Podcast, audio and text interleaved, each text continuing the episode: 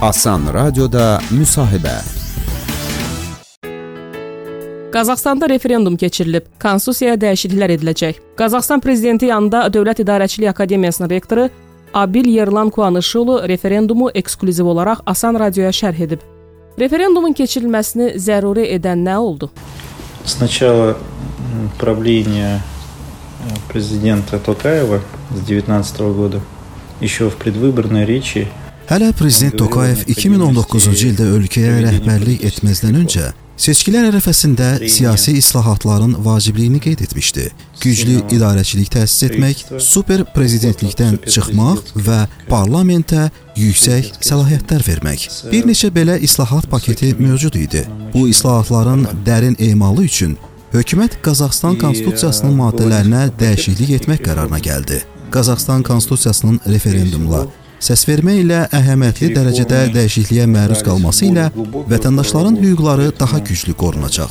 Konstitusiya məhkəməsinin yaradılması, insan hüquqları sahəsinə xüsusi statusun verilməsi, parlamentin məsləhət məclisinə seçilmə hüququ və sair kimi üstünlüklər buna şərait yaradacaq.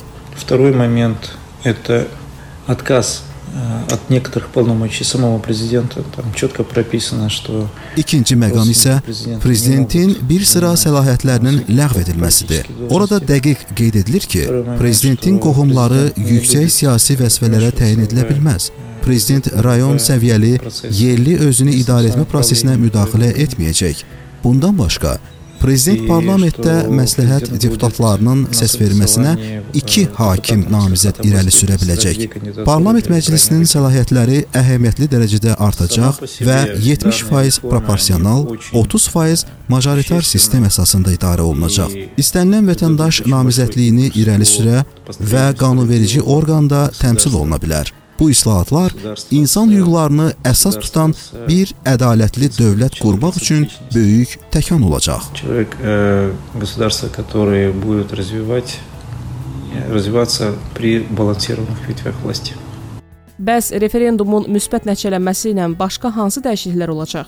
Другими положительными результатами, возможно, э, но это будет зависеть от того уже, как Мажилис уже будет э, Referendumdan обсуждать. sonra məclis konstitusiya qanunlarını müzakirəyə çıxaracaq, yenidən baxacaq, məsələn, seçkilərlə bağlı qanunlara və s.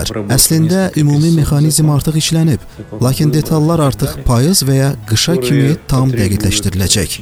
Lakin bu bir faktdır ki, bütün bunlar ciddi müzakirə olunacaq.